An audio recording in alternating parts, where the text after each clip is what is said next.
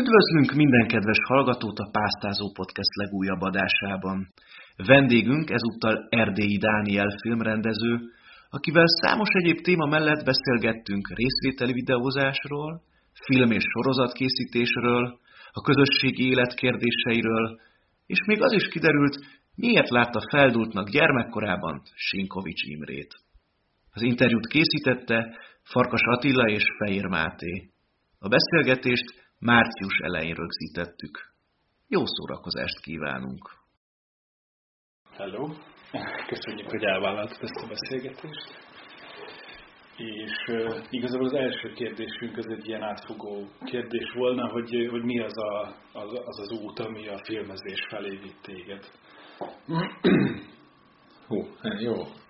Rövid nem fogok tudni erre válaszolni, de az, a, hát amikor én gyerek voltam, akkor volt ugye az M1 meg az M2, nem túl sok filmet lehetett nézni, viszont rengeteg mozi volt, és én, hát nem mai fejjel visszagondolva, rengeteg moziba, de állandóan moziba jártam.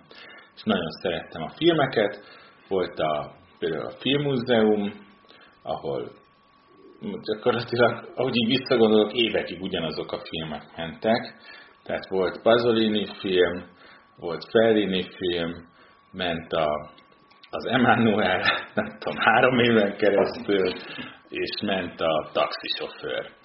És akkor én ezeket mindig megnéztem. És nagyon szerettem moziba járni, nagyon szerettem a mozifilmeket, barátaimmal együtt néztünk filmeket, tehát hogy ez egy ilyen teljesen péntek, szombat este arról szólt, hogy elmentünk sört inni valahova, amikor már gimis voltam, és akkor beültünk a Tisza moziba, vagy beültünk a Duna moziba, vagy beültünk a Filmmúzeumba. És akkor később, már érettségi után gondolkoztam azon, hogy hát én is szeretnék majd egy filmet csinálni, és elkezdtem forgatókönyvet írni, csak így magamnak. Hát fogalmam se volt, hogy ez egy szakma, vagy hogy ez egy ipar, vagy egy művészet, hanem meg voltak ilyen gondolataim, és akkor azokat elkezdtem leírni, és hát valahogy elakadtam, nem tudom, a harmadik sornál szerintem. Tehát hosszú, nem írtam meg egy hosszú forgatókönyvet, és bementem a, az valaki mondta, hogy hát az SZF-én van ilyen, hogy forgatókönyvírás, meg filmrendezés, meg mit tudom én.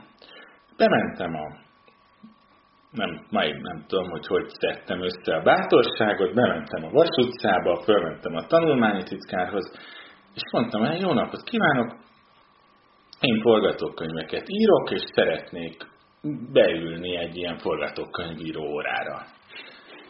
És hát egy elég döbbenten ült a tanulmányi titkár. Szóval hát, hát azért nem lehet csak úgy beülni, hát ott most már harmad évesek, és már egy olyan összeszokott társaság, és hát de miért nem felvételizik? Itt felvételiznek, hát be akarok ülni. Szóval nem, beülni nem lehet, de két év múlva lesz felvételi, és akkor tessék jelentkezni. Addig megdolgozzon. És akkor így abban az évben, de mert három évente indult valahogy filmrendező szak, vagy ilyen filmes osztály, és akkor utána kerültem a Zeneakadémiára, ahol hangszerjavítóként az egy ilyen hangszerjavító iskola volt tulajdonképpen, ott azt elvégeztem, és utána mentem vissza, de nem felejtettem el, hogy akarok felvételizni, és akkor sikerült. És felvettek, ami akkor egy nagyon nagy szó volt, mert mit tudom, 3000 jelentkező volt, és abból 8 rendező hallgatót vettek Látom, hogy egy erős osztály jött ki végül, vagy ez nagyon erős generációnak tűnik. Hát azt gondolom, hogy nagyon nagy szerencsénk volt egyrészt a, az, az idővel. Tehát, hogy pont akkor jelentkeztünk, pont olyan emberek voltak a tanáraink, pont akkor a kultúrpolitikában úgy alakult, hogy ez a mi osztályunk az, aki, mit tudom én, Hajdus Szabolcs, Török Feri, Párfi Gyuri, Gródini, Fischer Gábor, Miklauzics, Bence, Fazekas Csaba, meg én voltunk, hogy mindenki tudott játékfilmet csinálni, és ettől egy olyan generációszerű történet alakult ki. Az előttünk végző osztály hát minket a Simó Sándor végigvitt, és akkor olyan kapcsolatai voltak, meg olyan hatalmi pozícióban volt, meg az egész beágyazódott filmes infrastruktúra úgy működött, hogy mi tudtunk filmet csinálni. Az előttünk levő osztályban ö, nem volt ilyen tanárszemélyiség. Tehát ez a Mispál Attila, Sára Juli, Kántor Laci, Pésis András féle osztály, ők is csináltak játékfilmet, de nagyon nehezen valósultak meg. Az korábbi osztály az is olyan volt, hogy, hogy nem tudott mindenki filmet csinálni, és emiatt ez a generációs belépés ebbe az, az iparba, ez nekik nem sikerült. Ami nálunk sikerült, aztán ott is mondjuk a, a Hajlus Szabolcs az nagyon hamar elhúzott, tehát ő már csomó játékfilmet csinált, mire én az elsőt megcsináltam, vagy a, a Török Feri, Párti Gyuri, ők nagyon sikeresen tudták felépíteni a karriert, és én például, én a, hogy a, az első filmem után inkább rövid filmeket csináltam, meg elkezdtem televízióba dolgozni, és akkor úgy ebből kiestem annyira ebből a játékfilmes történetből, de mondjuk nem bánom egyáltalán. És aztán most megint úgy alakult a világ, hogy, hogy iszonyatosan sok helyről jönnek az emberek, tehát most gyakorlatilag három párhuzamos film egyetem létezik, nem három évente indulnak osztályok, hanem folyamatosan indulnak az osztályok, iszonyatosan nagy a verseny, a források viszont egyre szűkülnek. Én azt látom, hogy, hogy nagyon, egyre, nagyon nehéz filmhez jutni. Most már rövid filmhez is nagyon nehéz jutni, dokumentumfilmhez is rettenetesen nehéz. Tehát, hogy, hogy nekünk iszonyatosan szer, nagy szerencsénk volt a Simóval, a Sulcejévával, a Kendével, aki akkor az NK-nak volt a filmes vezetője, és szintén a tanárunk volt, hogy, hogy ők tudtak segíteni nekünk, hogy ezek a filmek, ezek az első filmek létrejöjjenek, amin mindegyiken rajta volt a Simónak a kezenyoma, az a ő ezt úgy fogalmazta meg, hogy, hogy így jöttem filmeket hm. szeretne látni. Tehát, hogy mindenki valami olyan filmet csináljon, ami az ő így jöttem. Hát például a Moszkva tér, a Ferinél, akkor a Hajdus Szabolcsnál, Hajdus Szabolcsnak volt a Macerás ügyek az első filmje, az is egy ilyen gimnáziumi történet, nekem az előre, ami egy általános iskolás történet volt. Fazekas Csabának is egy ilyen felnövés történet. A, a Pálki Gyuri volt egy kivétel a Huklével, aki már akkor is egy, hát egy nehezen kezelhető figura volt, legalábbis a Simó számára, tehát a Gyurira nem hatott az a, azt, hogy a Simó mit szeretne látni. A Gyuri az azt elhatározta, hogy ő csinál egy olyan filmet, ami a világban nagy siker lesz. Legalábbis én ezt így gondolom, hogy ő ezt így határozta el. És azt mondta, hogy hát nagy siker lesz egy film akkor, hogyha nem beszélnek benne magyarul. Ebből aztán azt következett, hogy semmilyen nyelven nem beszéltek, tulajdonképpen csinált egy hangos néma filmet, ami tényleg aztán iszonyatosan többször körbejárta a világot, és rengeteg fesztiváldíjat kapott, meg minden, is.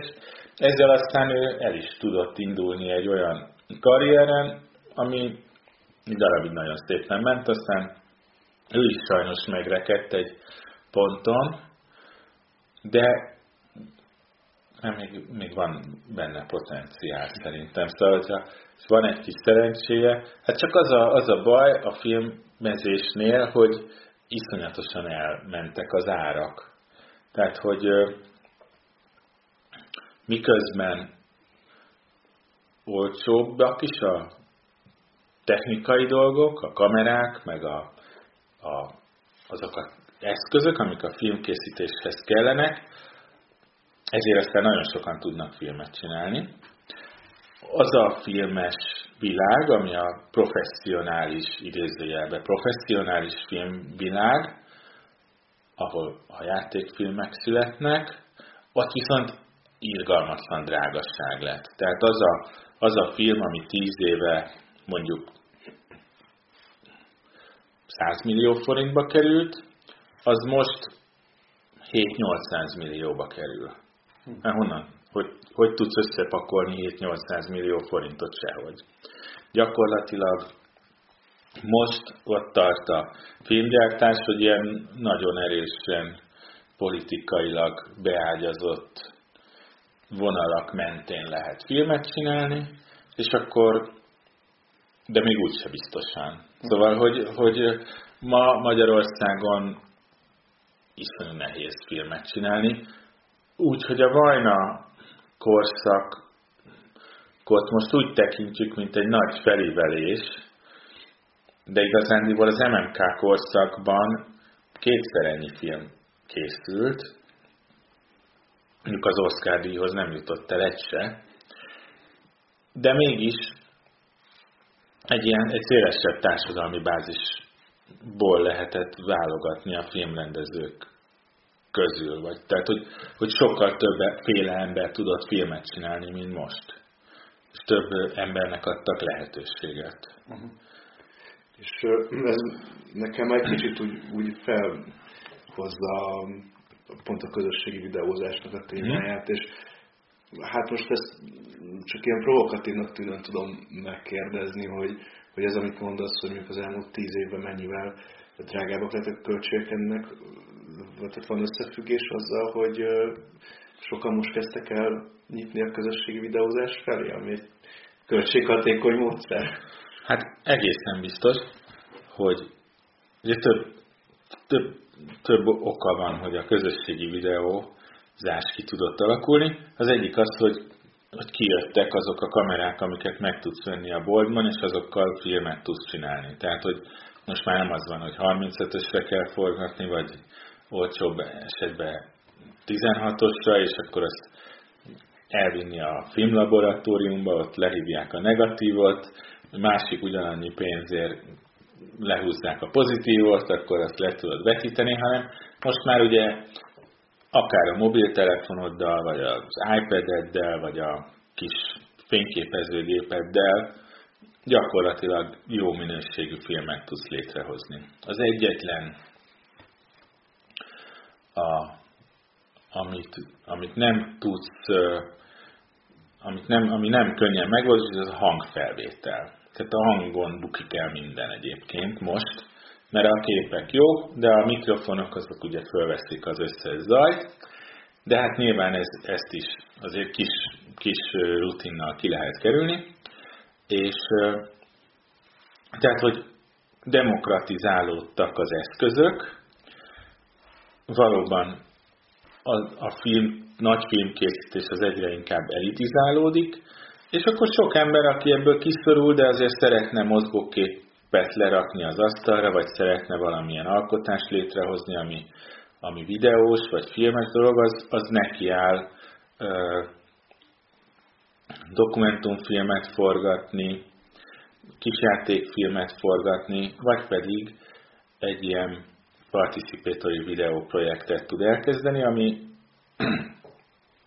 ami hát egyfelől társadalmilag is hasznos, tehát azt hiszem, hogy sok olyan ember van, akit, akinek az nem a gazdagság, meg a csillogás a legfontosabb, hanem az, hogy amit csinál, az valamilyen társadalmi haszonnal, vagy jó érzéssel társuljon. Tehát, hogy úgy tudjon lefeküdni, vagy este az ágyába, hogy, hogy valami hasznosat csinált, és pontosan a participatory videó készítés az egy ilyen dolog, hogy szerintem az a nagyon sok, ahogy a, például a, a részvételi színház is, vagy a tantermi előadások olyanok, hogy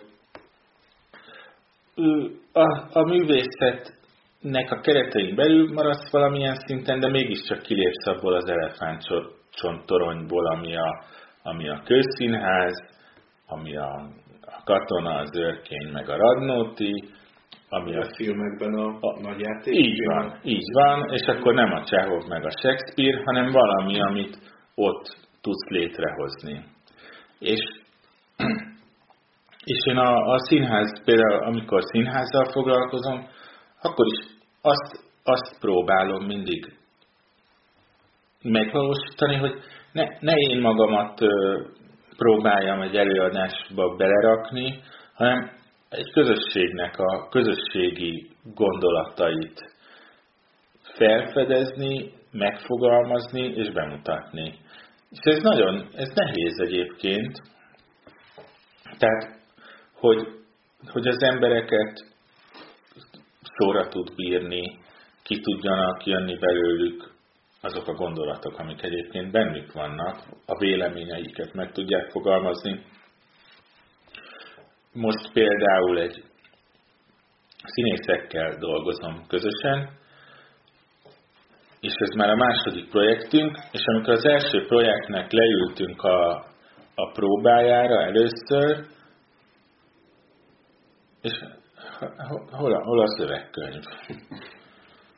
Hát mondom, az lesz, hogy most nincs szövegkönyv, hanem hogy, hogy így együtt vagyunk, és akkor rögtönzünk, meg mozgunk, meg énekelünk, meg imprózunk, és akkor abból ki fog jönni valami. Ez a sok színész még, még nincs felkészülve? Erre szerintem nagyon sok színész nincs még felkészülve, igen. igen. Tehát, hogy ez... Hát egy... Ez egy nagyon erősen komfortzóna kilépés. Aha, aha, aha. Félelem, halálfélelem volt. Láttam, láttam a szemükbe a halálfélelmet, hogy Hát de lesz egy előadás, és hogy jönnek majd emberek. Hát mondom, igen, úgyhogy azért most már ne nézzük csak egymást, hanem kezdjünk el dolgozni. És higgyétek el, hogy ebből majd lesz valami. És akkor aztán lett is egy nagyon jó előadás szerintem. Ez a Levesben, itt a Nemzetiségi Színházzal csináltunk, és most megyünk Lengyelországba vele például jövő héten egy előadásra, tehát hogy egy nagyon, egy jó és sikeres darab lett belőle, aztán menet közben én is, nekem is változtatni kellett a stratégián, és akkor azt mondtam, hogy jó, van rögtönzés, van, van jelenetépítés, de akkor kezdjünk el interjúzni egymással, hogy az interjúkban elhangzott történeteket be tudjuk építeni a színdarabba. És akkor végül születtek ilyen hosszú, ilyen másfél-két órás interjúk a színészekkel, és akkor annak azt is beépítettük a darabba, és akkor ez adta meg a vázát. Az imprók, az interjúk, meg hát vannak benne énekek, meg táncok. Ez egy nagyon egy ilyen kis szórakoztató darab lett ne, nehéz. Tehát, hogy sok helyen ezt nehéz elfogadtatni, hogy ez is egy létező művészet. Amikor az eszekén voltam valami, volt egy vizsgám, és akkor a, én a beugrónak voltam a rendezője a tévéadásnak.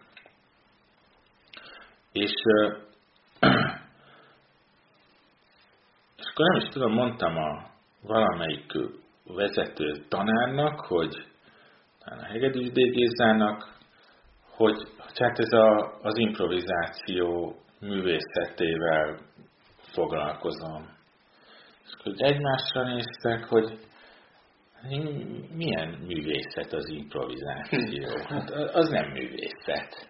Hát mondom, dehogy nem. Hát ott vannak a színészek, van egy alaphelyzet, egy szituáció, amit kibontani, ez egy egyfelől lehet terápiának is fölfogni, de onnantól kezdve, hogy nézők ülnek a színpadon, és nézik őket, notabene még televízióban is nézik százezrek, ez bizony, is, bizony, ez egy művészet. És aztán nem, hát ez, ez, ez csak egy olyan semmi.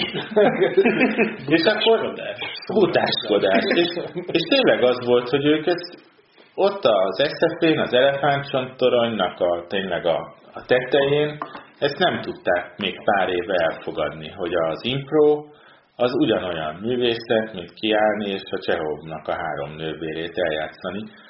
Szerint én, én, egy, én egy nagyon művészetnek tartom az imprót egyébként, tehát azt gondolom, hogy teljesen ugye az imprónak az a, a csúcsa, amikor már szituáció sincsen, legalábbis szerintem. Tehát amikor kettő, három, négy ember van hm. egy pillanatig, és akkor elindul valami, és hogyha azok jó emberek, vagy jó imprósok, vagy nem tudom, hogy ezt hogy lehetne megfogalmazni, akkor abból létre tud jönni egy csodálatos dolog lehet. Együttlétezés? Hát egy, egy közös, közösen épülő valóság létre tud jönni, mert ugye nincsenek.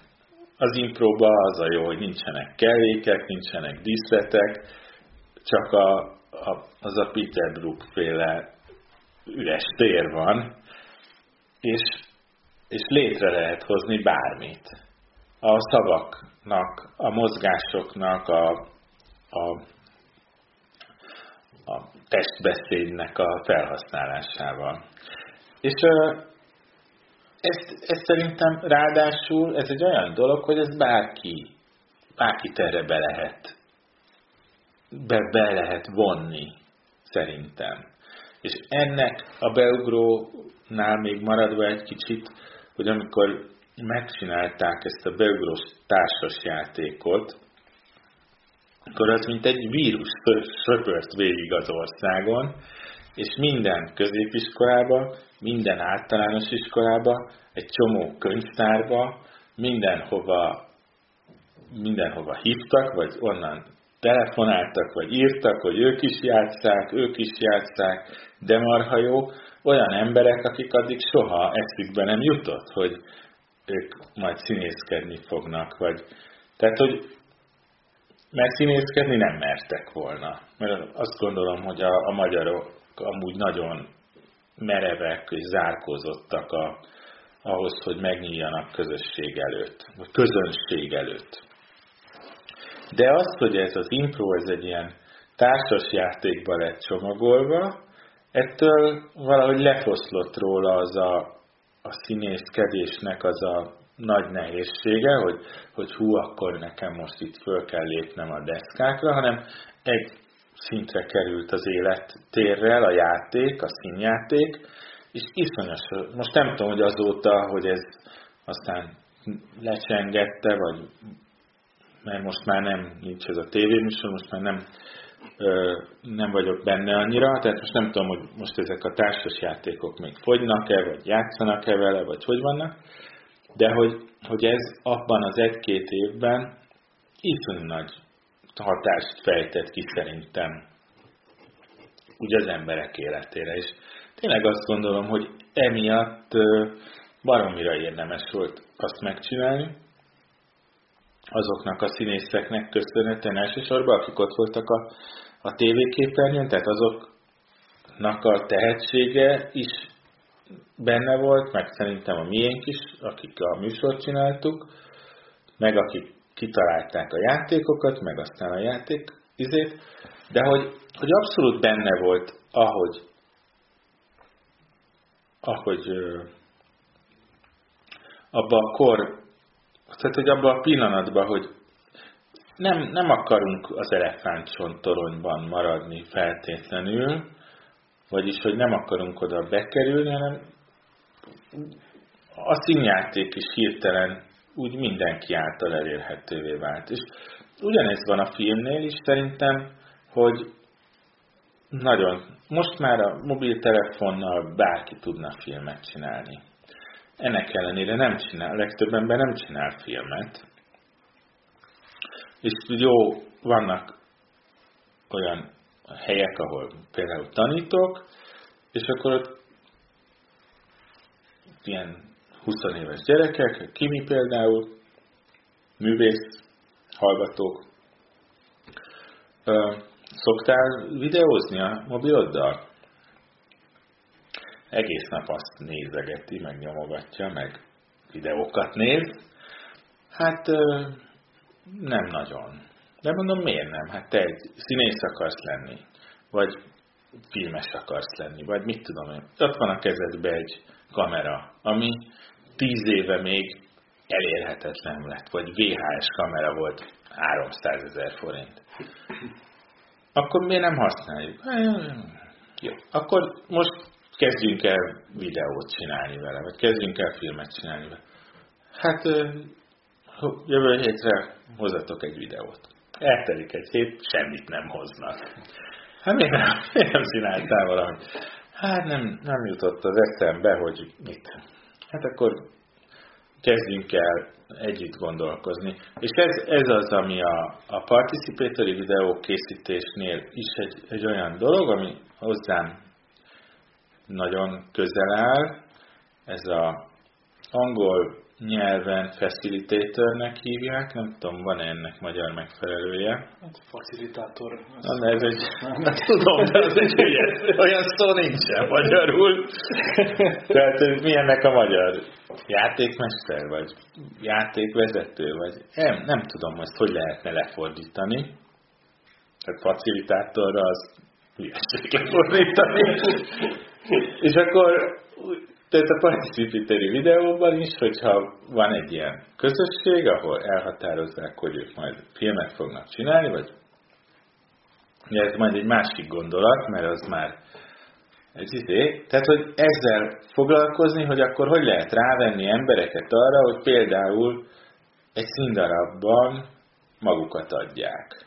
Hogy lehet rávenni embereket arra, hogy egy olyan eszközt, ami mindig a zsebükben van, fölhasználjanak filmkészítésre. Mert akkor az már egy másik gondolkodás. Tehát akkor onnantól kezdve te magadat kell, hogy lássad, kell, hogy magadat lássad egy kicsit kívülről, hogy veled mi az, ami történik, abból mi az, amit érdemes megmutatni, vagy mi az, amit meg kéne mutatni, vagy mi az, amit a körülöttem lévő világból szeretnék megmutatni, onnantól kezdve már nem úgy jársz az utcán, mint addig, hogy csak el akarsz jutni A-ból B-be, hanem onnantól kezdve az A-ból B-be való eljutás az számodra egy,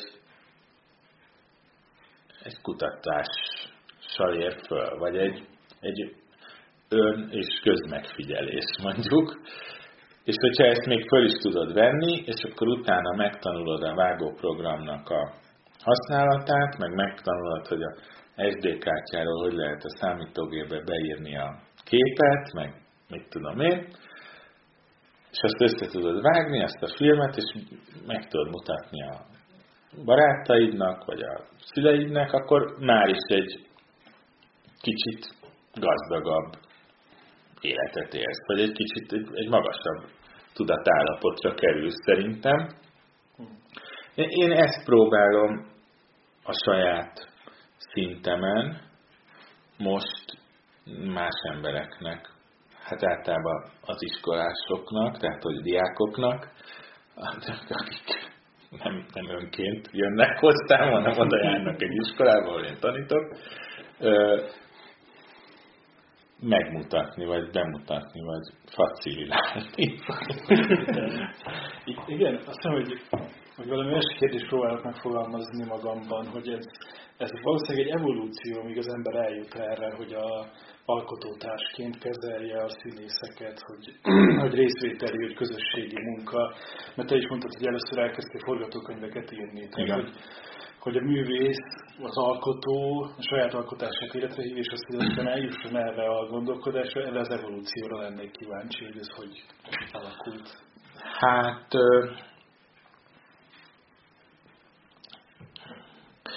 Igen, most, hogy mondod, emlékszem, amikor az első film megvalósult, amit amit, le, amit én írtam, és akkor ott voltak a színészek, és láttam volt a fülhallgató, és akkor így hallgattam azokat a mondatokat, amiket én írtam.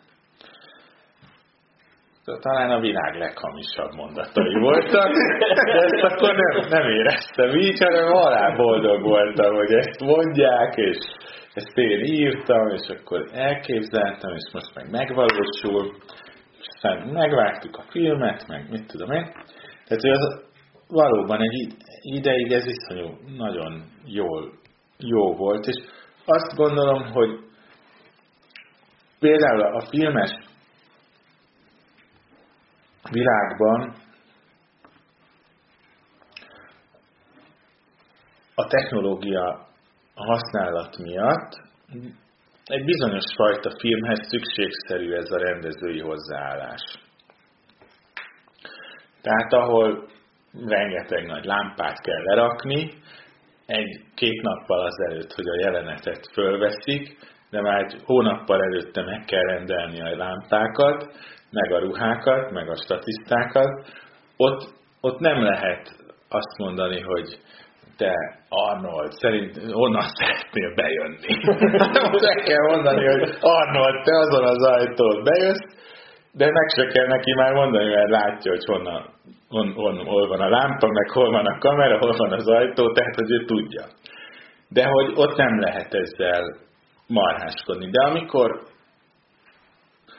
és a színház ilyen szempontból egy nagyon jó dolog, és nekem nagyon szerencsésnek tartom magam, hogy színházzal egyszer csak összeszedtem magam, és elkezdtem foglalkozni, mert nagyon féltem egyébként a színháztól, de hogy hogy a színházban nincsenek ilyen nagyon nagy pénzek, meg díszletek, meg hát nyilván itt is vannak olyan színházak, ahol vannak, tudjuk, de mondjuk abban azon a szinten, amiben én mozgok, ott nincsenek semmilyen pénzek, és, bátran lehet kísérletezni. Tehát, hogy, hogy azt csinálod, hogy, hogy ezt csinálod, lehet, hogy másnap kitalálsz valami mást, és hogyha az egy jó alkotó közösség részesévé tudsz válni, akkor a többiek is elfogadják azt, hogy, hogy, hogy nem egy ilyen kikövezett úton megyünk előre,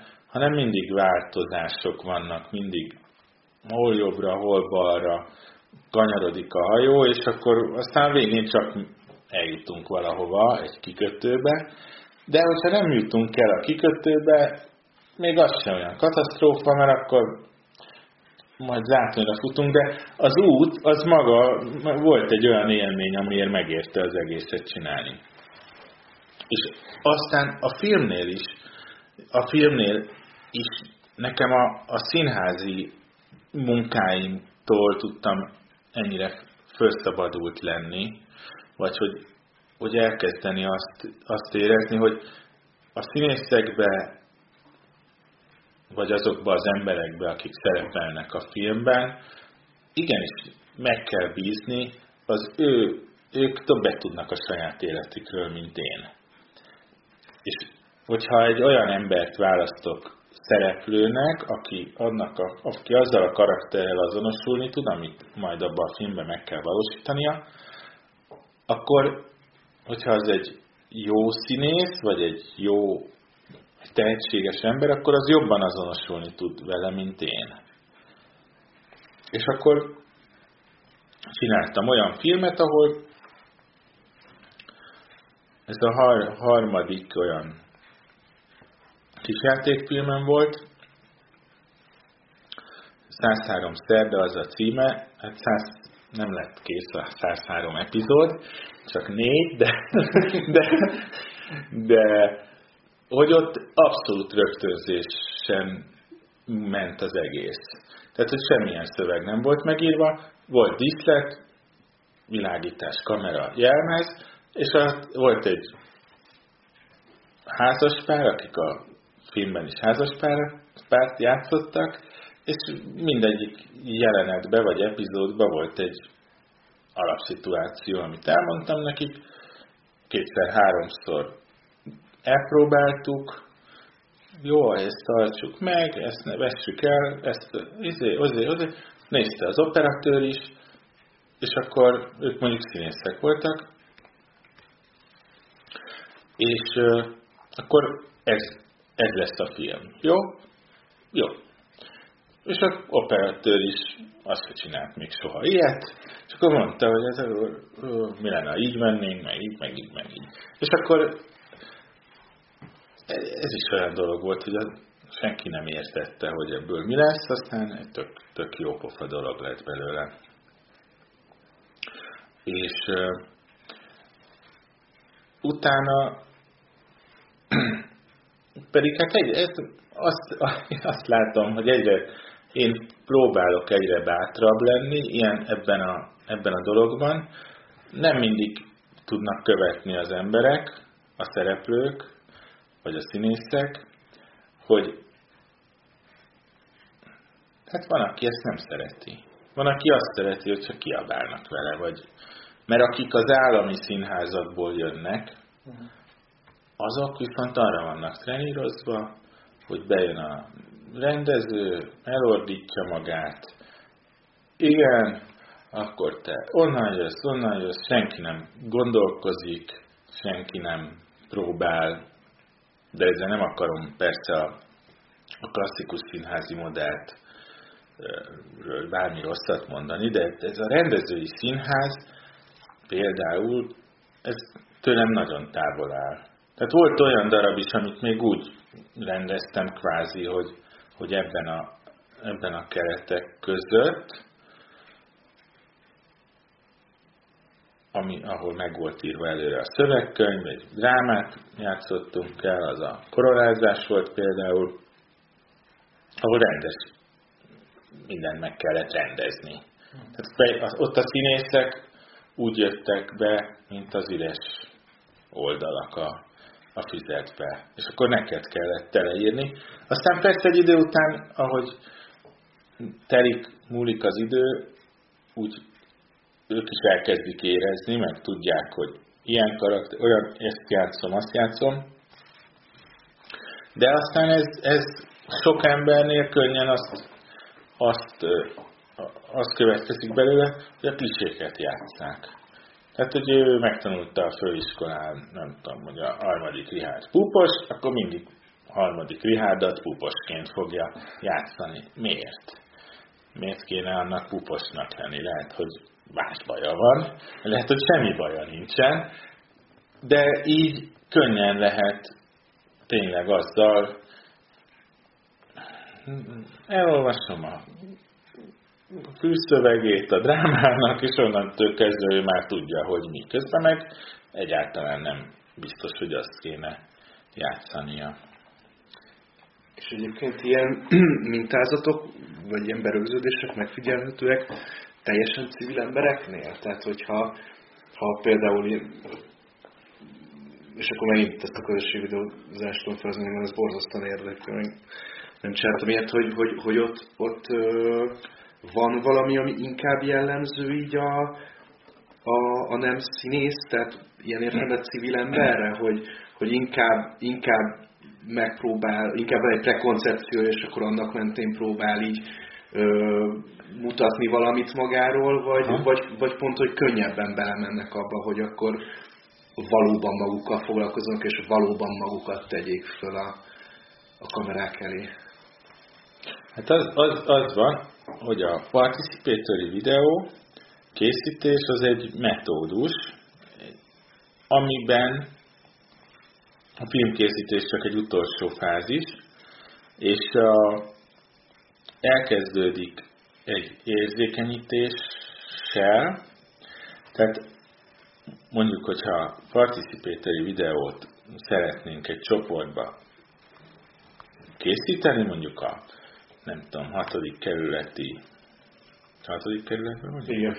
hatodik kerületi nyugdíjasok körében, akkor nyilván először kellene találni mondjuk a nyugdíjas otthonba embereket, akik ebbe szeretnének részt venni, és hajlandóak is benne részt venni, és ott utána van egy érzékenyítő fázis, amiben például az impro egy használható elem, a, já, a, já, a színjáték, azok a, azok a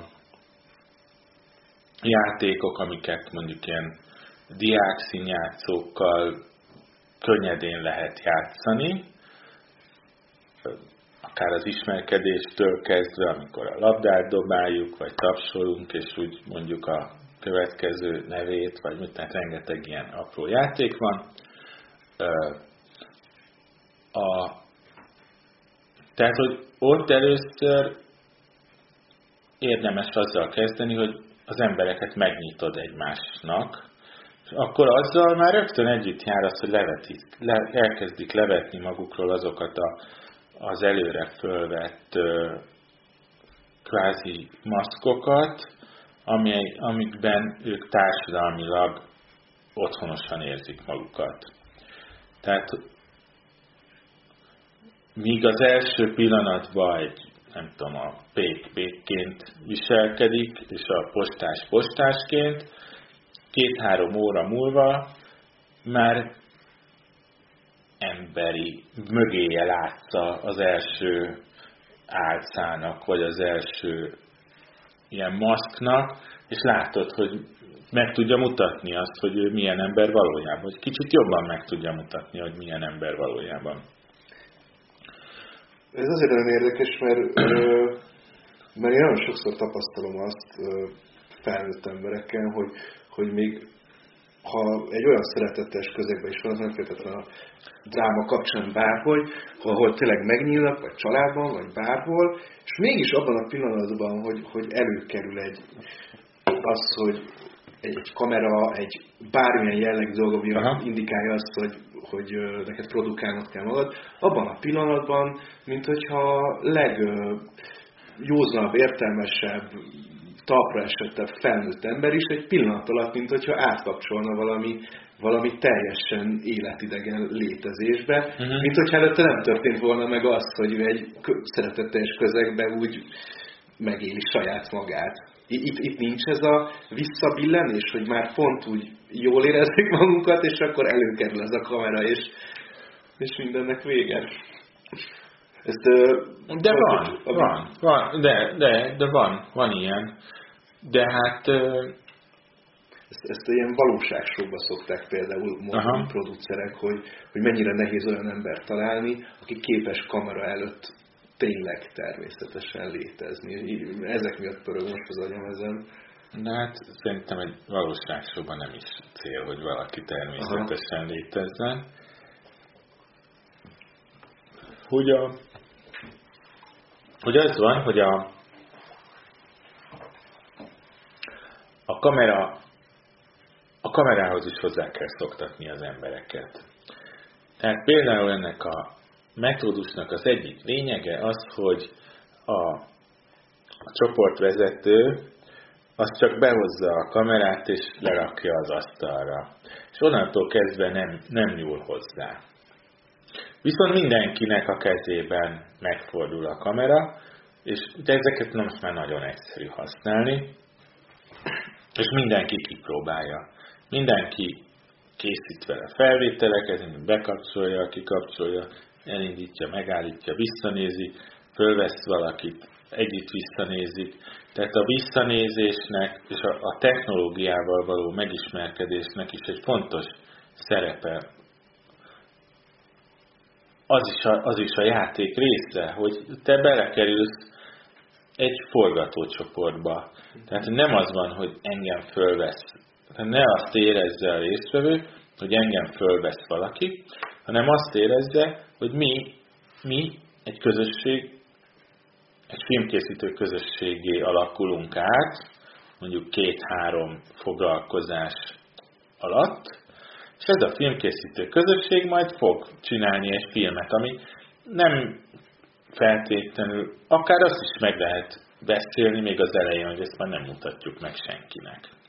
Vagy hogy csak akkor mutatjuk meg, hogyha mindenki beleegyezik, hogy bemutathatjuk. Vagy, tehát, hogy mindenkinek van akár vétó joga is, és akkor ez ennek a segítségével lehet szerintem létrehozni egy olyan bizalmi kört, amiben aztán az emberek jól tudják érezni magukat. Tehát, hogy senki ne érezze azt, hogy engem fölvesz valaki, hanem érezze azt, hogy én most filmet csinálok, és ebben a filmben szereplek, vagy ezt a filmet csinálom. És a, a, ugye az egy következő lépcső, hogy miről csinálunk filmet. Tehát az is egy olyan, olyan metódus alapján lehet kitalálni a filmkészítést, hogy ne az legyen, hogy a rendező oda megy, vagy a, a, a dokumentumfilm készítő, és akkor van egy prekoncepciója, mondjuk maradjunk a nyugdíjasoknál, hogy a nyugdíjasok nem tudom, nehezen élnek. Mert én azt gondolom, hogy itt a kerületi nyugdíjasok nagyon nehezen élnek, és félnek a turistáktól, hanem az, hogy, hogy a, a csoportvezető csak annyiba vesz részt, hogy elindít egy beszélgetést abba az irányba, hogy miről kezdjen szólni egy film. Azt el kell mondania, hogy egy filmnek van eleje, van vége. Hogy egy film, nem tudom, 15-20 perc hosszú, de lehet 5 perc hosszú is. Tehát, hogy valamilyen kereteket kijelöl, és azon belül nyilván a társaságban minden van szó, hangadók, vannak olyanok, akik inkább a háttérbe vonulnak, de hogy, de hogy az a, a téma is, amiről a filmet akarják csinálni, vagy amiről a film készül, az közösen alakuljon ki. Így egyre jobban szerves, szervülnek be az emberek, a résztvevők a, a közös alkotásba. És tulajdonképpen a participatory videónak egyfelől egy kimenete az, hogy létrejön egy film, ami valamilyen valamiről szól, tehát mondjuk általában ezek a ezek társadalmi hatásokról, vagy dolgokról szóló dolgok, filmek. De a másik az, hogy létrejön egy közösség, akik különben nem jöttek, hogy nem érezték volna olyan közel magukat egymáshoz. És ugyanezt látom én a, a részvételi színházban is, hogy sokkal jobban összekovácsolódik egy közösség, mint hogyha csak mint egy normális színi előadás létrehozása során. És csak a csoportvezető feladatain gondolkoztam el, hogy akkor Aha. például van mondjuk három ember, aki nem annyira szólal meg, akkor abba belenyúl a csoportvezető? Akarja, hogy ők is hozzátegyék, vagy hagyja a csoportdinamikát magától felállni? Hát E, csak a saját tapasztalatomat tudom. Én, én általában azt olyan szabályokat szoktam a legelején lefektetni, hogy mindenkinek meg kelljen szólalnia. Tehát mindenkinek valamit kelljen hozzátennie a dologhoz. Tehát ne lehessen senki úgy, hogy félelemből, vagy kényelemből, vagy, vagy félénkségből kimarad valamiből. Uh-huh. Tehát, hogyha mondjuk témáról van szó, akkor mindenkinek kötelező, kötelezően el kell mondania, hogy mit szeretne, vagy mit gondol. Tehát, hogy mindenki megszólítva érezze magát, és ne is lehessen azt mondani, hogy, hogy akkor én most nem, mondjuk van olyan feladat, hogy van egy ilyen nagy fehér papír, és akkor arra rajzolni kell valamit, ami számodra fontos, akkor nem mondja senki azt, hogy hát én nem akarok rajzolni, mert nem rajzolok szépen, hanem akkor mindegy, hogy szépen rajzolsz, vagy csúnyán valamit rajzolj le. És általában azok aztán a legizgalmasabb irányok, amit azok fogalmaznak meg, akik amúgy a leg inkább háttérbe maradnának. Uh-huh. És akkor, akkor létrejön, tehát mondjuk ö, a témafelvetésnél tartunk, van egy nagy fehér papír, vagy ilyen ez a letörölhető tábla, vagy egy normális tábla, és ott, ott rajzolunk, feliratokat készítünk, vagy nem tudom, szívecskékre fölírsz egy-egy szót, fölragasztod a táblára, és utána azt megint a közösség határozhatja meg, szavazással, érveléssel, felszólalások során, hogy melyik legyen azok a, tehát hogy szűkítsük le akkor a témát. Tehát, hogyha mondjuk azt, azt mondjuk, maradunk megint a kerületi nyugdíjasoknál, akik az én elképzelésem szerint, mint idejövök dokumentumfilmrendező, nehéz sorsúak és félnek a külföldiektől,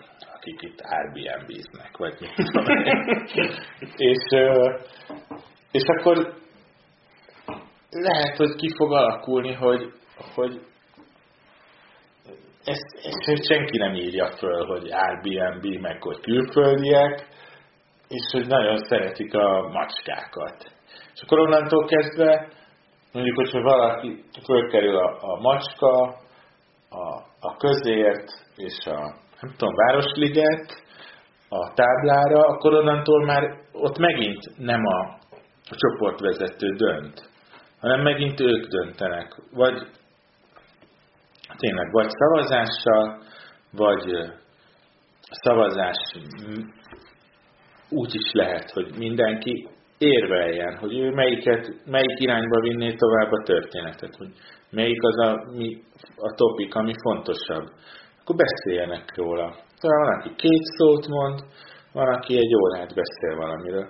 Akkor megint szűkíteni lehet az irányt. Akkor lehet, hogy a Macska és a Városliget marad fönn mondjuk. Akkor utána megint lehet a Városliget milyen, nem tudom, a múltja, a jövője, a jelene, a, mi az, ami megvan, mi az, ami hiányzik, mi az, ami megvan benne, milyen változásokat lehetne, és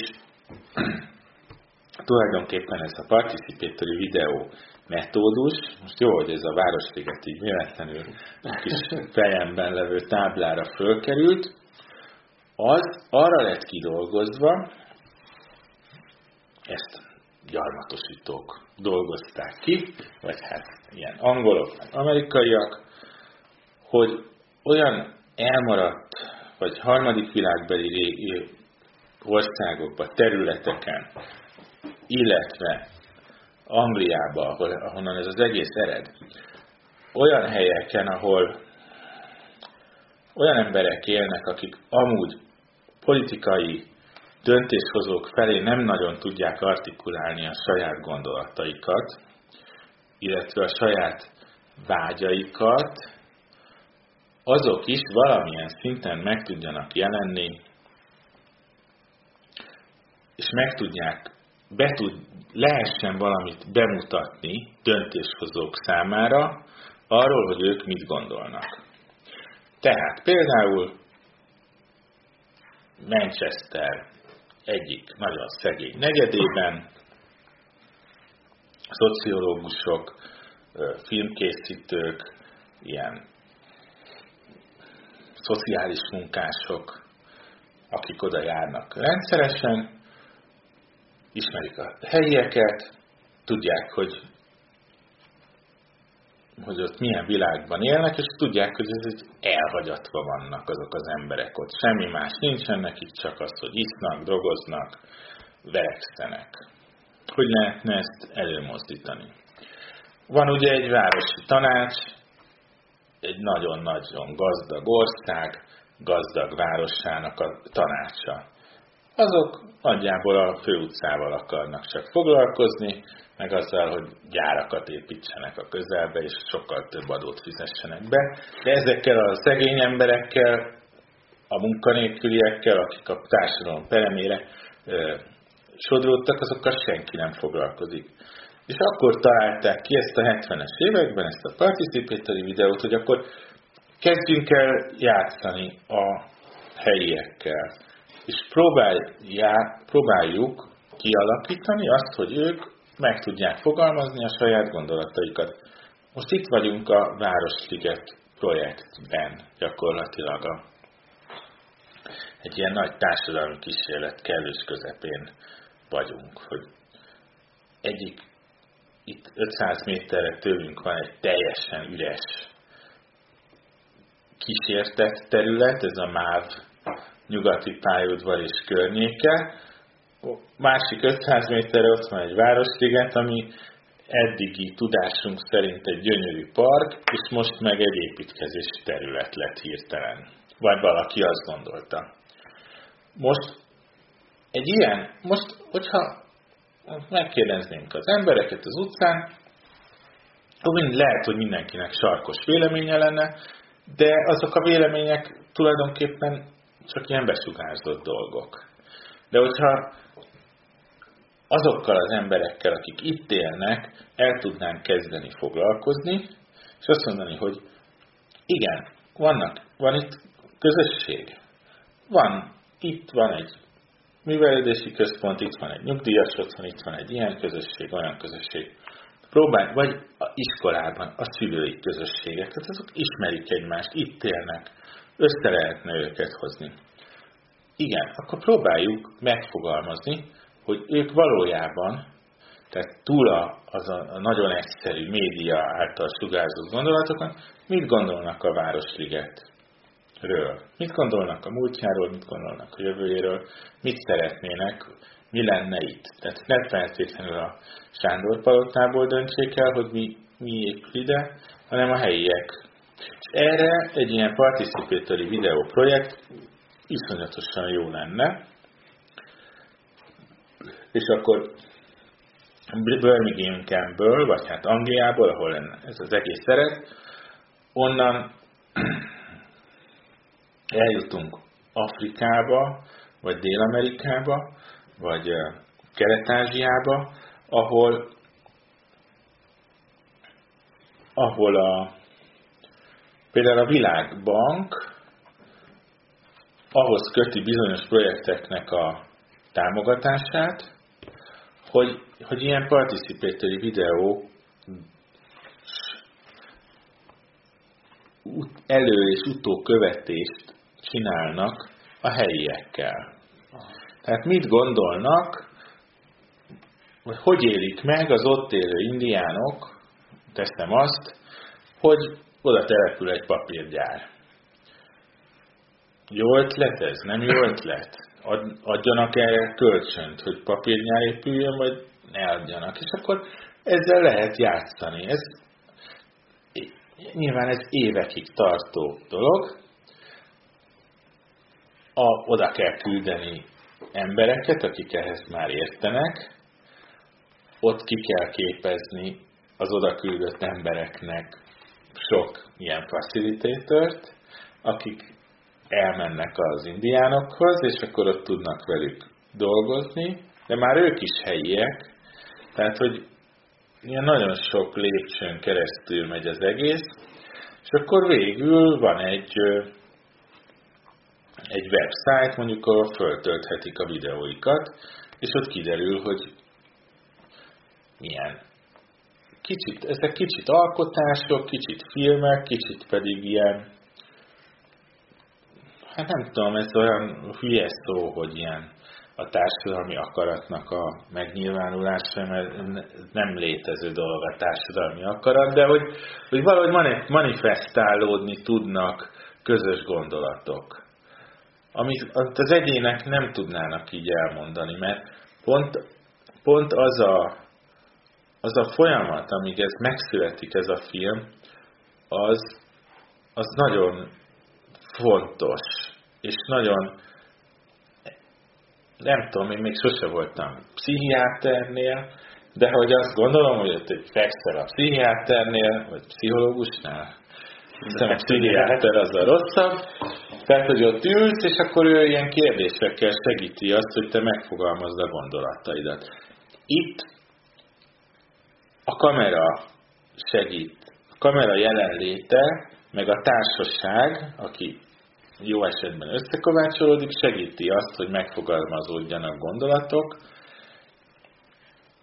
és de kell közben valamilyen akarat, aki azt mondja, hogy ezt ő, ő erre kíváncsi. Tehát most mondjuk a világbank, de lehet, hogy nem a világbank, hanem mit tudom hogy valami más szervezet. Ennek itt Magyarországon sajnos semmilyen ö, izéje nincsen. Fogadó, fogadó.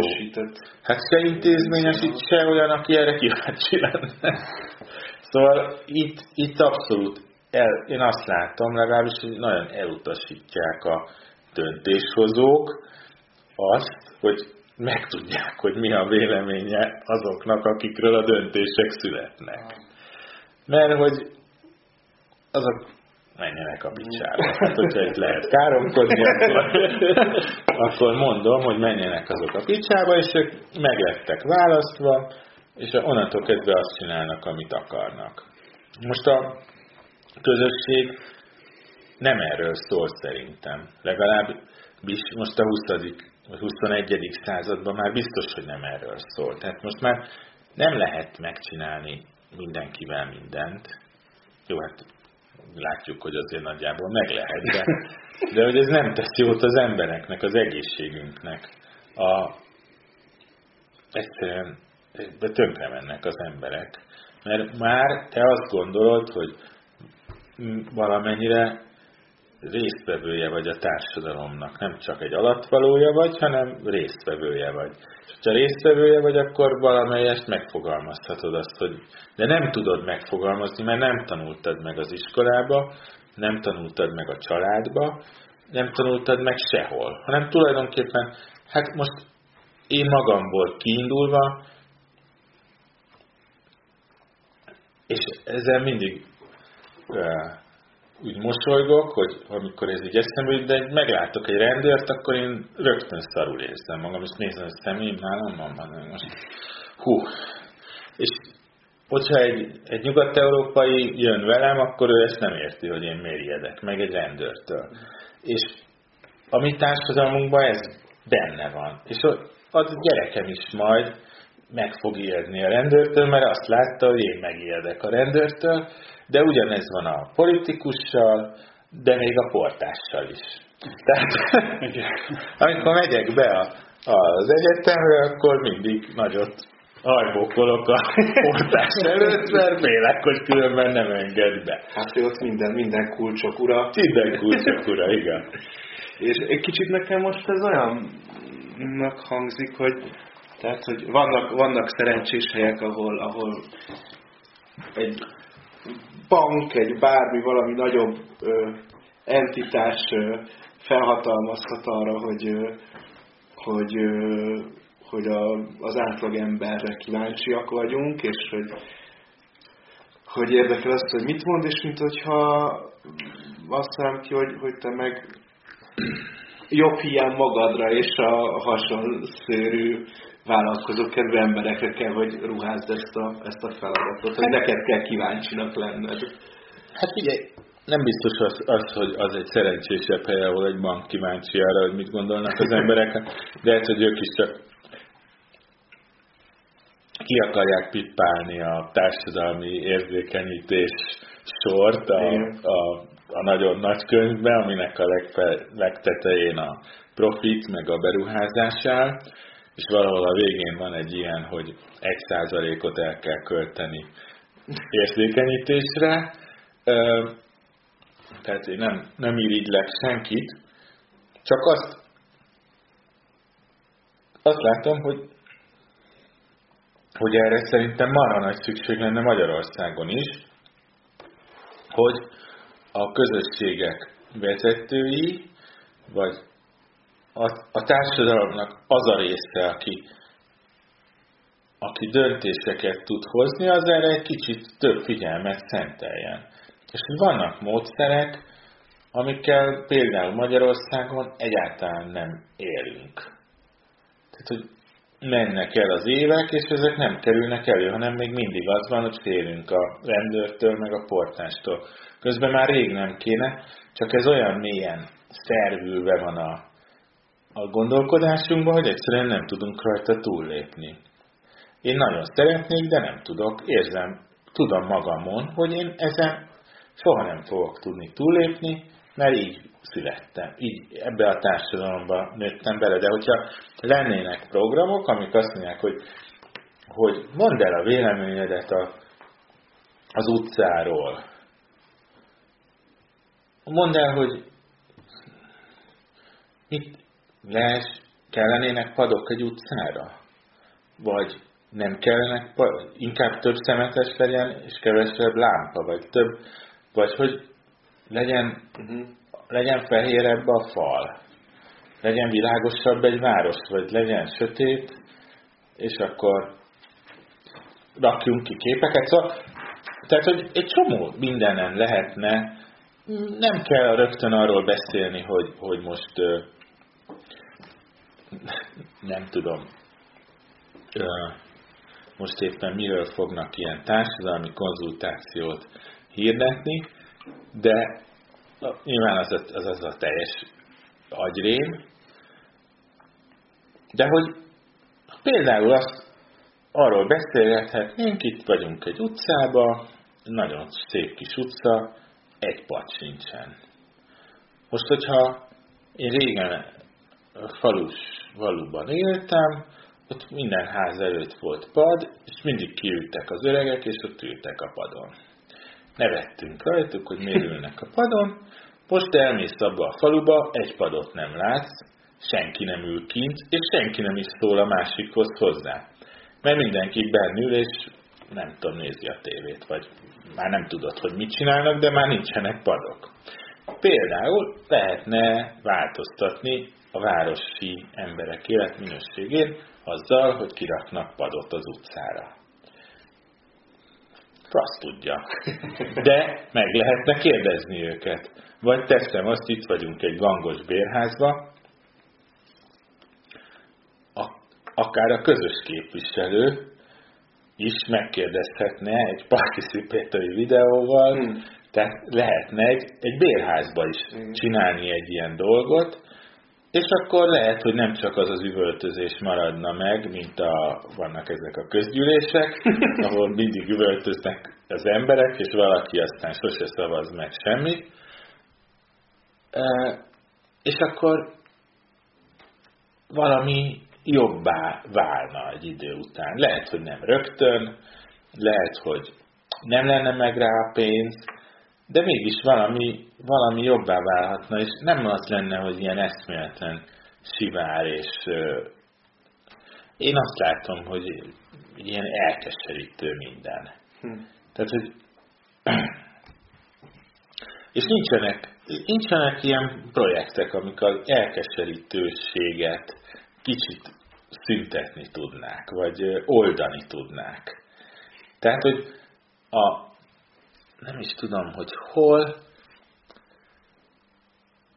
hol is láttam azt, hogy ilyen nagy gangos házak között egy baromi nagy fás terület van. De a fás terület az sehonnan nem megközelíthető, mert mindenhol ilyen falak vannak. Négy méter magas falak. Tehát, hogyha te már lent vagy a vízszinten, vagy hát a földszinten, akkor csak egy falat látsz, meg egy fát. Ha föntről a hatodikról lenézel, akkor azt látod, hogy a utca közti rész egy hatalmas nagy park. De ha lemész, akkor már csak egy falat látsz, meg egy fát. És miért nem lehet azokat a rohadt falakat elmondani, hogy ott legyen egy nagy park? Mert, mert nyilván azt gondolják, hogy a szomszéd az egy geci. A szomszéd ez egy gonosztevő, vagy egy nem tudom, emberevő.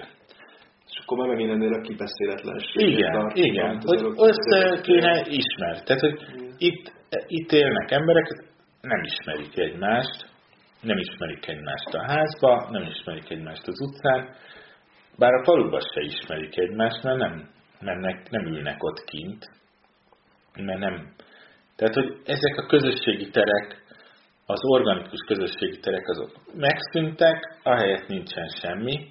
Most a Facebookon tudsz írni az ismerőseidnek,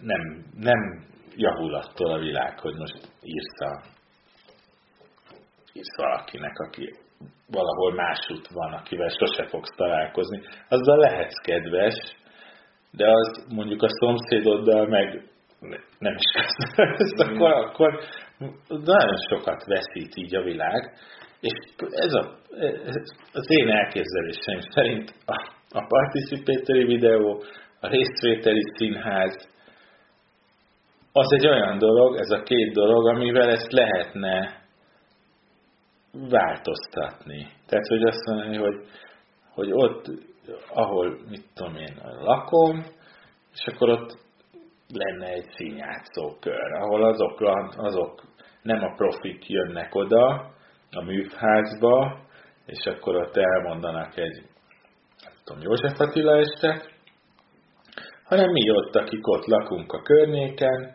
összejárunk, és ott kitalálunk valamit. De ilyen nincsen. És nem tudom, hogy van-e valahol. Tehát, hogy nem, azt nem mondom, hogy minden szegmenséről tudok a, akár a, a részvételi színháznak, akár a részvételi film készítésnek Magyarországon, mert biztos rengeteg ember foglalkozik ezzel. Én a saját köreimbe ezt marhára hiányolom. És szerintem ez egy olyan dolognak kéne lenni, ami így most már mindenhol jelen, jelen lenne. Csak elképzelem, hogy akár mondjuk, mondjuk tényleg egy, egy igen, ilyen gangos házban, hogy, hogy már arra rávenni az embereket, hogy, hogy akkor kezd, kezdjünk bele egy ilyen projektbe. Tehát már ahhoz is kellene egy részvételi színházas folyamat, hogy az emberek feloldódjanak, hogy aztán megint el... Értelek, igen, persze. Egy, folyamattal kijebb vagyunk, mert, mert nagyon nehéz ezeket a falakat áttörni, hogy igen. Igen, de erre, erre az, abból a szempontból jó a mondjuk a világbank, hogyha megmaradunk ennél a példánál, hogy az azt mondja, hogy én erre megfizetek egy embert, aki e- ezzel foglalkozott, tud, tudja, hogy ezt hogy kell csinálni, és akkor kap hat hónapot, hm. vagy három hónapot, vagy mit tudom én, mennyi időt, hogy ezzel foglalkozzon. Mert, mert hogyha nem, nem tehát, tehát kell, egy, kell egy presszió? Kell, nem egy presszió, nem, hanem kell valaki, aki, aki tud aki össze tudja hozni ezeket az embereket, aki tud kommunikálni, aki kicsit rálát az egészre, és azt mondja, hogy aki ki tudja szedni az inf, annyira az infokat, hogy rajzolják fel a táblára, hogy mi hiányzik. Hm. Tehát, hogy, hogy maguktól ezek a dolgok nem tudnak elindulni szerintem. Lehet, hogy van, ahol el tud indulni, de mégsem indul el sehol.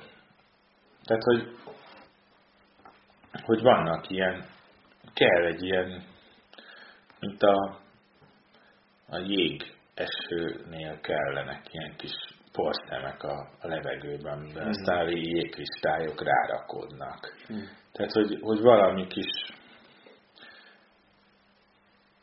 ami beindítja az egészet, arra szükség van. Egyrészt a technikát, ahogy, ahogy azt meséltem az előbb, hogy az iskolában is mindenkinek ott van a kezében a kamera, csak senki nem tudja, hogy az egy kamera is. És senki nem tudja, hogy azt dramatikusan hogy lehet felhasználni. Tehát, hogy hogy tudod magadat kicsit kívülről látni, hogy láttatni is tudjál valamit. Tehát, hogy erre rá kell vezetni az embereket. Erre lenne jó, hogyha lenne ahogy nincs média oktatás az iskolákban, meg dráma oktatás, az sincs az iskolákban. Tehát attól nem nincs dráma, tehát az, hogy az órarendben benne van, hogy dráma oktatás, és akkor a technika tanár most már drámat, mert nem akarom megbántani a hallgató technika tanárokat. és ez ahogy a mi időnkben bevezették az orosz mellett az angol tanítást, és akkor az orosz tanár egy leckével előttünk volt az angol, angol angolban, és akkor a dráma, több, sok iskolát láttam már, és ott a dráma is nem, nem az, aminek kéne lennie, hanem egy, nem működik. Tehát, hogy, mert ott is az, aki drámatanár tudna lenni, vagy lehetne, akkor annak nincs meg az óraszáma, akkor az már nem kap státuszt, akkor ha már nem kap státuszt, akkor miért jöjjön oda, akkor elmegy inkább a McDonald's-ba dolgozni. Pedig közben pont a dráma meg a média most, hogyha belegondolok, így nagyon lesarkítva, hát pont arról szól, hogy a dráma kicsit megtanít magunkról gondolkodni, a média meg arra, hogy mi van körülöttünk. Hát pontosan. Csupán ez a kettő. Hát ezt a kettő dolgot, és most, nem, most már ki is vették az alaptantervből, szóval most már benne sincsen még ilyen szinten se, mint eddig volt. Tehát ez a heti, heti egy óra sincsen. És ebből persze a gyerekeknek, ó, hát miért kell nekem drámát tanulni, amikor én az érettségére készülök, matek, fizika, nem tudom, magyar. Hát de, és akkor mire fogsz menni az érettségével? Semmire. Tehát, hogy nagy, nagy matek tudós leszel, de hát nem. Tehát, hogy pont ezek, ezek a dolgok az oktatásban benne lehetnének, tehát ott legalább az emberek oda vannak kényszerítve. Hogyha lenne egy olyan tanár, aki ezzel foglalkozna, akkor ott az a társaság már ezen az érzékenyítésen túlkerülhetne. Nyilván egy társasházban ezt nehezebb lenne elérni, de itt is meg lehetne csinálni. Egészen biztos vagyok benne. Tehát, hogy lehetne ilyen, nem tudom, társadalmi kísérleteket folytatni, de hát senki nem akarja. Hát most mi, mi érdekük nekik, hogy jobban érezzék magukat ezek a leüljenek a padra beszélgetni? Hülye vagy? Hát mennyivel szebb, hogyha kifestik az utcafrontot, vagy hőszigetelik a nem tudom micsodát. És még mondtad, vagy hát ezt még korábban beszéltük, még, még azt hiszem talán e hogy csak így mondtad, hogy, hogy hogy te a közösségi videózást ilyen tekintetben még úgymond élesben nem próbáltad ki. És ez egy kicsit pont ezzel függ össze, amiről most beszélsz, hogy talán ne, nem is lesz alkalmat kipróbálni pont ezek miatt? Hát az a helyzet, hogy valóban én a közösségi videózásnak a, a izéjét, a, amit tanultam, vagy amit olvastam, meg láttam, meg azt főleg ilyen médiatáborokban, meg iskolákban tudtam kipróbálni, ahova oda jöttek diákok vagy fiatalok, és részt akartak venni valami ilyesmiben, ahol tudtunk közösen dolgozni. Az a helyzet, hogy arra nekem nincs lehetőségem, meg időm se, hogy elmenjek Afrikába vagy Dél-Amerikába dolgozni, mert hogy itt családom van, meg itt is van életem, meg tehát, hogy én nem tudok úgy elmenni három hónapra, hogy mit tudom én, de lehetne, egyébként ebből bele lehetne folyni, de hát inkább azt szeretném, hogy itt Magyarországon csinálni valami ilyesmit, de erre eddig nem volt, hogy is mondjam, akarat. Akarat, vagy támogatási nem, szándék, szándék még nem volt erre, hogy én, én csináljak valami ilyesmi, de nem is nagy, tehát egy-két kísérletről hallottam, vagy tudok egy-két kísérletről, akik csináltak már ilyet Borsodban, van egy, egy barátom, egy dokumentumfilmes lány, aki csinált ilyen participatory videó projektet, úgyhogy Waldorfos budapesti gimnazisták és vidéki cigánygyerekeknek az érzékenyítése során készült ilyen film. Tehát vannak erre kísérletek, de, de úgy abban a mennyiségben, vagy abban a lent, tehát hogy ezek nagyon fehér hollók egyenlőre és szerintem pedig nagyon fontos lenne. Tehát az is, az is egy, egy, egy gondolat, hogy nem, nem csak az elmaradott régiókat kell felzárkóztatni, hanem itt Budapesten is föl kéne zárkóztatni dolgokat, vagy helyeket, vagy utcákat. Tehát az, hogy az, az a, a csillogás, ami az Andrássy úton, meg a Deák téren, meg a körúton van, és két utcával bejebb mész, és lepra az egész, és az emberek is nyomorultul élnek, miközben Európa egyik legszebb, legragyogóbb,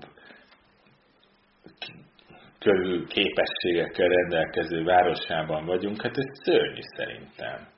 Tehát én nem tudom, hogy mindent olyan, lehet, hogy ez az én saját bajom, hogy én mindent olyan szörnyűnek látok, de hogy, hogy itt, itt végigmész az utcán, és hogy mennyi nyomorúságot látsz, hát ezt nem szabadna hagyni, hogy így éljenek az emberek, hanem azt kéne, hogy az emberek kicsit legyenek kicsit boldogabbak, éljenek jól, érezzék magukat jól a bőrükben, és ez nem hiszem, hogy csak pénzkérdés lenne. Tehát most, hogyha kétszer ennyi lenne a nyugdíja valakinek, és ugyanilyen nyomorultul él, akkor csak kétszer annyi pénzt költene el piára az éjjel-nappaliban. De hogyha ennyi pénze lenne, és valahogy sikerülne egy ilyen azt a társadalmi hálót visszaalakítani, ami szerintem valaha működött Budapesten, akkor meg jobban érezné magát. És nem lenne gazdagabb, de kicsit jobban érezné magát. És ebben a részvételiség a kulcs? Hát szerintem az én elképzelésem szerint ez az egyik kulcsa, igen.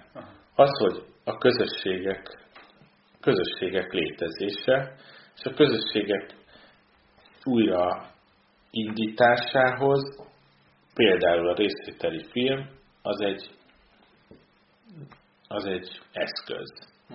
Tehát, hogy vannak eszközök, de ilyen eszköz egy piac is, szerintem, ahol vannak eladók, meg vannak vevők, és azokat rendszeresen találkoznak, és meg tudja kérdezni a piacostól, hogy ez most, nem tudom, szép ez a krumpli. Tehát, hogy bármilyen kapcsolat, hogyha az emberek közt kialakul, akkor abból ki tudnak épülni jó dolgok. Az, hogy egy piacot bezárnak, és kinyitják utána egy év múlva, és csak sushi bárok vannak benne, akkor az egy lószar lesz. Mert oda már az az ember, aki itt él, nem fog bemenni. Hát nem is tudom, ott a Rákóczi téri piac lett egy ilyen szuper gasztró Aha. center, csak éppen már nem egy piac, hanem egy turista pénz szedő, nem tudom mit mondani. Kocsmák, vendéglátás, tehát hogy szinte mindenben ez a, igen. az a közösségi szellem, ami elvesz. Így van, igen, igen. Hát nem tudom, hogy ez világjelensége, vagy ez csak itt van. Mondjuk biztos, hogy a, ez a, a tömegturizmus nem használ ennek. Tehát az, hogy vásárolják ki a lakásokat, és mindenhol Airbnb-ket csinálnak, az nem biztos, hogy ezt használ egy társasági közösség létrejöttének, vagy meglétének. Talán nem megszűnnek ezek, csak úgy fizikailag itt szorulnak egyre kijebb. Akár már csak... Hát de kijebb sincsenek. Hát meg én azon gondolkozom az, az eleje óta, hogy az online térbe átkerül, hogy az online térbe kerültek át a közösségi terek tulajdonképpen. Hát, na de hát az, az avatárok kérdése. Hát, online térben mindenki vidám, jókedvű, jószagú, és jól fésült, és közben meg nem vagyunk azok igazándiból, szóval, hogy az meg egy ilyen hazugságnak a területe közben rögtön. És, a, és tényleg azt, azt az idős emberek nem fognak átkerülni az online térbe, vagy mondjuk a nem idős, de kicsit idősebb emberek se. Tehát a, az, a, az a, egyébként az, az meg a mostani 10-20 éveseknek a, az iszonyú csapdája lesz, hogy ez mi lesz ezzel az online térrel, amikor kinőnek belőle, vagy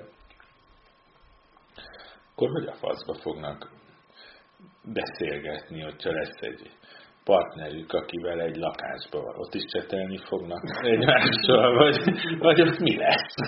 Hát ez majd egy következő generációnak szerintem a megoldandó problémája. Majd arra is ki kell találni valamit, de tehát most már tényleg annyira atomizálódtak az ember. A, ugye volt ez a nukleáris család, vagy mit tudom, tehát amikor csak hárman vannak. De most már egyen, egyen vannak az emberek. Tehát, hogy akik ilyen most 18 évesek. Az, az van ez avatárja az interneten, vagy a nem tudom melyik közösségi oldalon éppen, és akkor ő az. Nem is biztos, hogy megismeri azzal, akivel a legtöbbet csetel, vagy mit tudom én, micsoda. De hát ez csak az én elképzelésem, mert nem, nem, látok oda-vissza. De hogy azért ennek nem kevés veszélye van szerintem. De, de most itt, szerintem konkrétan itt a városi dolgokat, azért ezen lehetne egy nagyot lökni, hogy javuljanak a dolgok, hogy, hogy hogy valahogy a közösségeket vissza lehessen építeni. Tehát most valamelyik nap bementem a Józsefvárosi közösségi házba, ami egyébként egy ilyen nagy üzlet, mint hogyha körülti üzlethesség lenne, és tök jó dolog, lelkes emberek, mit tudom én, egy, egy nagy kiállítás volt benne, tök üres. Pedig ott él, nem tudom, százezer ember. Annak a százezer embernek az nem is tudja, hogy talán ez van, vagy mit tudom én. Azok ott a Corvin plázába sétálgatnak föl alá. De hogy például a, a, a plázákban is lehetne ilyet kialakítani. Tehát mindegy. Szóval én nekem a, a közösségnek a, az elvesztése, vagy elvesztése, az, az nagyon Szerintem az egy nagyon komoly probléma. És azt gondolom, hogy a művészeknek, vagy a művészet közvetítőknek ez egy fontos feladata lenne, hogy a közösségeket próbáljanak meg létrehozni, vagy a közösség létrehozásába segítkezzenek, vagy részt vegyenek. Az szerintem az, ami, ami így megy a a nagy játékfilm, a nagy színház, a mit tudom én, micsoda, teljesen marginális mostanra. Évek, pár év múlva, lehet, hogy még nem a mi életünkbe, de ezek meg fognak színni. Egyszerűen nem lesz rá társadalmi igény. A televízió az átkerül az internetre, az, a mozi átkerül az internetre, színház, nem tudom. Megszűnik. Megszűnik. Lesz revű variété része, az biztos megmarad, mert szeretsz, majd eszel, iszol, közben jó, hogyha ott táncolnak, de különben teljesen talajt vesztett dolgok lesznek, vagy lettek. Vagy én nem tudom. Tehát én azt, azt látom, hogy ha most még nem történik valami ami lokális közösségeket meg tud teremteni, meg tud fogni, akik aztán lehetnének, akik elmehetnek aztán színházba. De egy mostani gyerek nem tud 10 percet végigülni. Az nem fog végigülni egy hamlettet. Mert 5 perc múlva már hiányzik a telefonja, és azt fogja nyomkodni. És akkor szegény, izé, jut Sinkovics, amikor így az általános iskolában kivezényeltek minket, a Nemzeti Színházba, ugye az itt volt a Hevesi Sándor téren, és akkor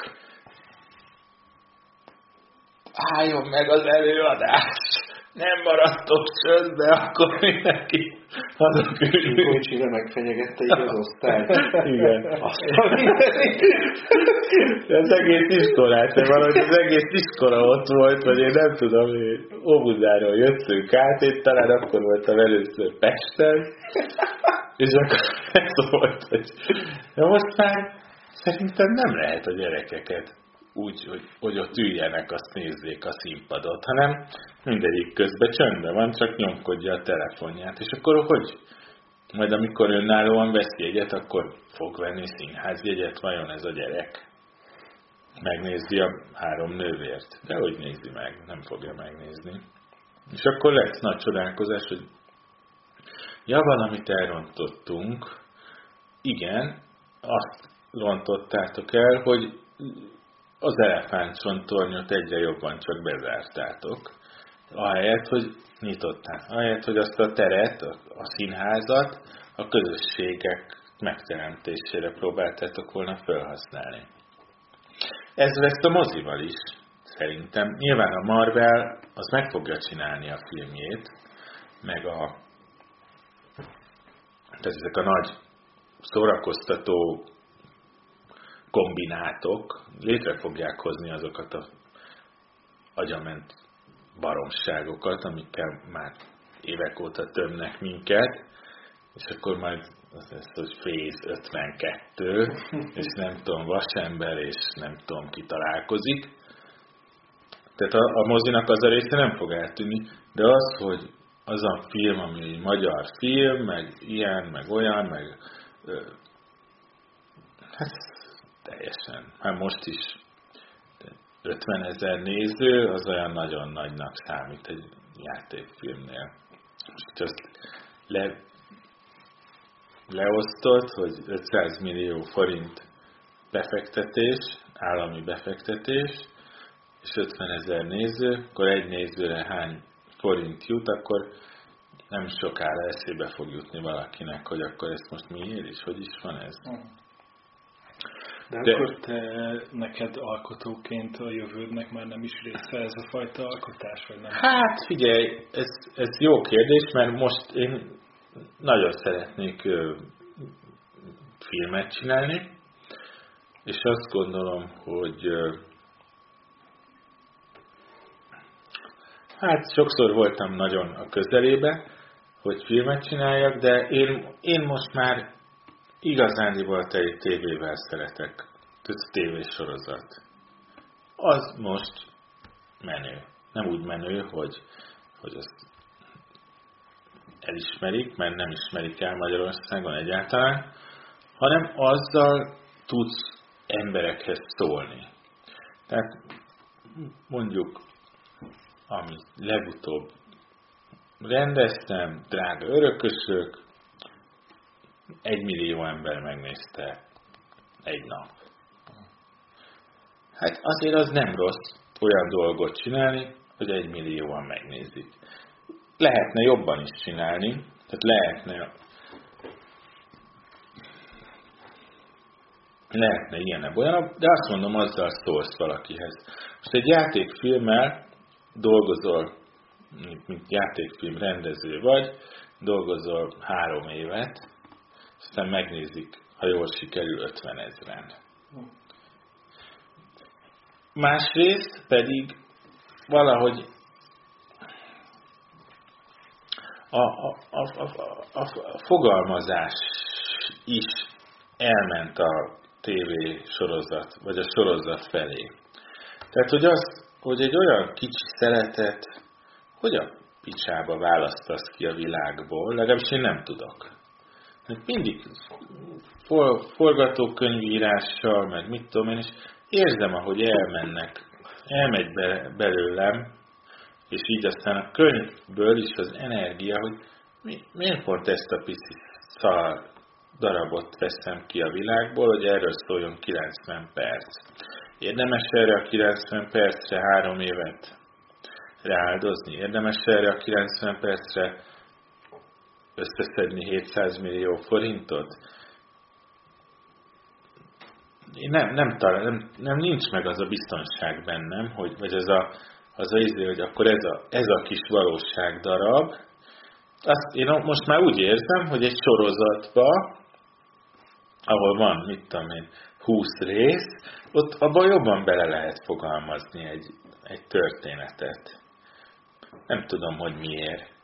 De, de abszolút, azóta, szó, még mind, csodálom a filmeket, meg abszolút rajongója vagyok a filmeknek, de én nem tudok már választani egy olyan pici valóságdarabot, hogy arról szóljon egy, egy film. Ez nem lehet, hogy azzal függ össze, most csak itt találgatok csak, hogy, tehát, hogy valószínűleg akkor tud az ember találni, igen, három évre, akkor tudja magát három évre elkötelezni, hogyha az valami nagyon erősen személyes, és valami nagyon olyan, ami, ami tényleg róla szól. És pont ez, hogy, hogy neked ez a közösségi vonulat most ennyire erőteljes, ez mintha ellene menne annak a... Mert, mert ha azt tesszük, ez egy erős egotrip, hogy az ember három éven keresztül tényleg hát, ja, abszolút. megvalósítja azt, amiben ő igazán szerelmes. Abszolút, ebbe, ebbe igazad van. De igen, szóval én, én rájöttem, hogy nem, nem kell nekem feltétlenül nagy játékfilmrendezőnek lennem. Másba is sőt, máskor talán jobban megtalálom a boldogságomat, akár egy ilyen kis közösségnek a, az a izéjével, hogy, hogy azokkal foglalkozom, akár gyerekekkel, vagy középiskolásokkal, vagy egyetemistákkal.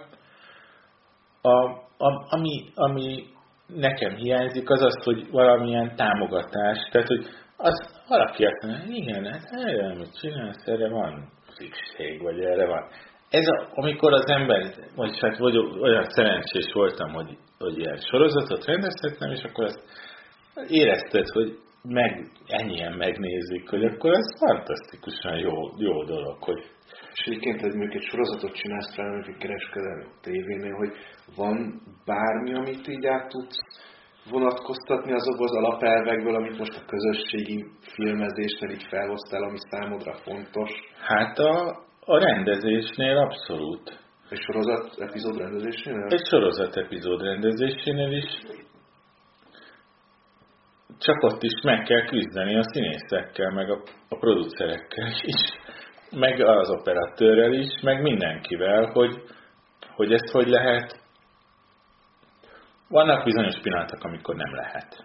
Tehát amikor megy, el a, megy le a nap, és még van egy jelenet, amit föl kell venni. Nem tudom, megy el a színész, mert szinkronja van, és még van három jelenet, amit föl kell venni.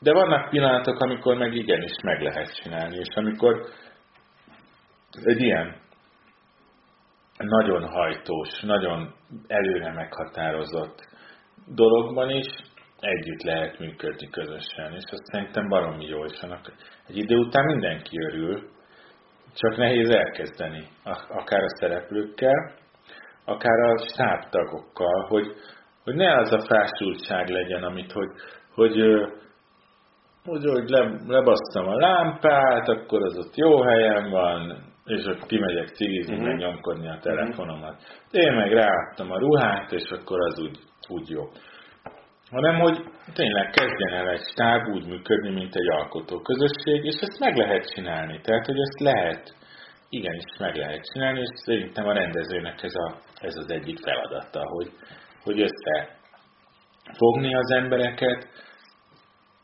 és valahogy azt a, azért, egyébként azért fárasztó a rendezés, hát most nem akarom nagyon nem, nem fárasztóbb, mint a szénbányába dolgozni, de hogy, de hogy azt, hogy azt az energiát az, az, az emberekből beleragd, akik különben csak unottan nyomkodnák. Igen, ez, amit most csinálunk, az fontos. Az akkor lesz jó, hogyha mindenki belerakja a saját energiáját, és ezt az energiát csak te tudod belerakni az egyes emberekbe, mert más nem tudja. Mert különben egy nagy és teljesen széttartó társaság lesz abból, amit összefog egy 10 percre, és mindenki arra figyel, amit kell csinálnia, akkor meg fantasztikus dolog tud megvalósulni. És ez a, ez a film rendezésnek szerintem ez a legfontosabb dolga a rendezőnek, Ugye a Hitchcock az azt mondta, hogy a legunalmasabb része a filmkészítésnek a forgatás. Mert hogy előre minden megvan, ki van találva, és akkor azt csak föl kell venni. Ez igazándiból nem így van szerintem, hanem a legizgalmasabb rész a forgatás, mert előre minden valahogy ki van találva, általában szarul, és a forgatáson meg azt, ami ki van találva, azt egyszer csak élővé kell tenni, olyanná, hogy, hogy az tényleg kirobbanóan jó legyen, és ezt meg lehet egyszer csinálni, de amikor mondjuk van 15 jeleneted egy napra, akkor, akkor már reggel még fáj, mindenki fáradt és korán van, dél körül mindenki kurva éhes.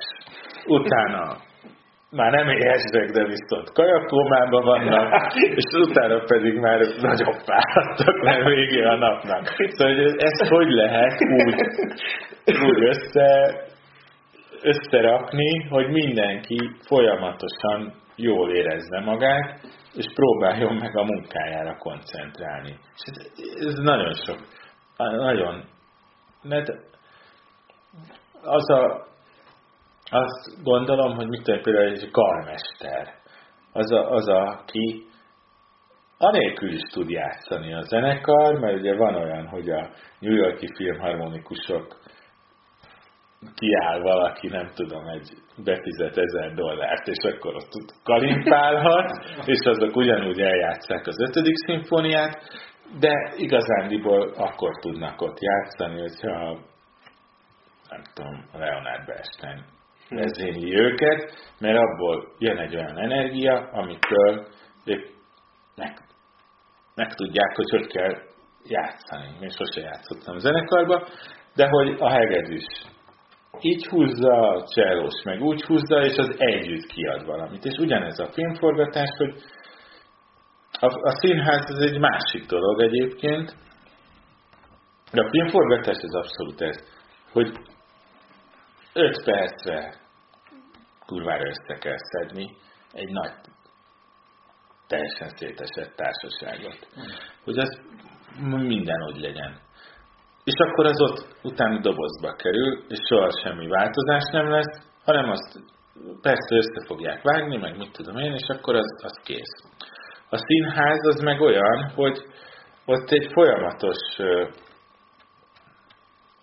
alapállapotot kell valahogy megteremteni, amiben mindenkinek vannak ötletei, mindenki belerak valamit, sokkal, én a színházat sokkal lazábbnak tartom, nyilván ezzel lehetne vitatkozni, de hogy, hogy ott mindenki rak, rak, rak, egy próba folyamat, hár, másfél hónap, hat hét, a végére összerakódik valami, ott viszont azt kell elérni, hogy az előadásokon estéről estére mindig szülessen meg ugyanaz a,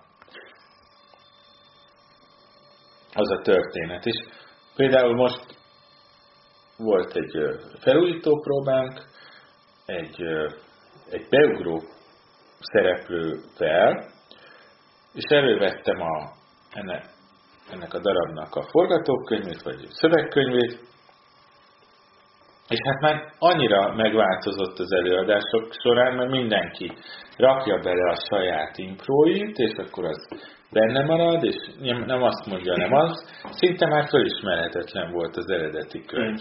Tehát, hogy minden annyival gazdagabb lett, annyival szebb lett, és, és az előadásról előadásra bővül, és aztán azok a szereplők azt megjegyzik, és abba nehéz volt beugrani a, a beugró szereplőnek, mert hogy ami... Meg ott nagyon kijön hogy mennyire személytelen csak úgy beugrani. Hát igen, igen. Nem értem igen, meg azt az igen, igen, igen, igen.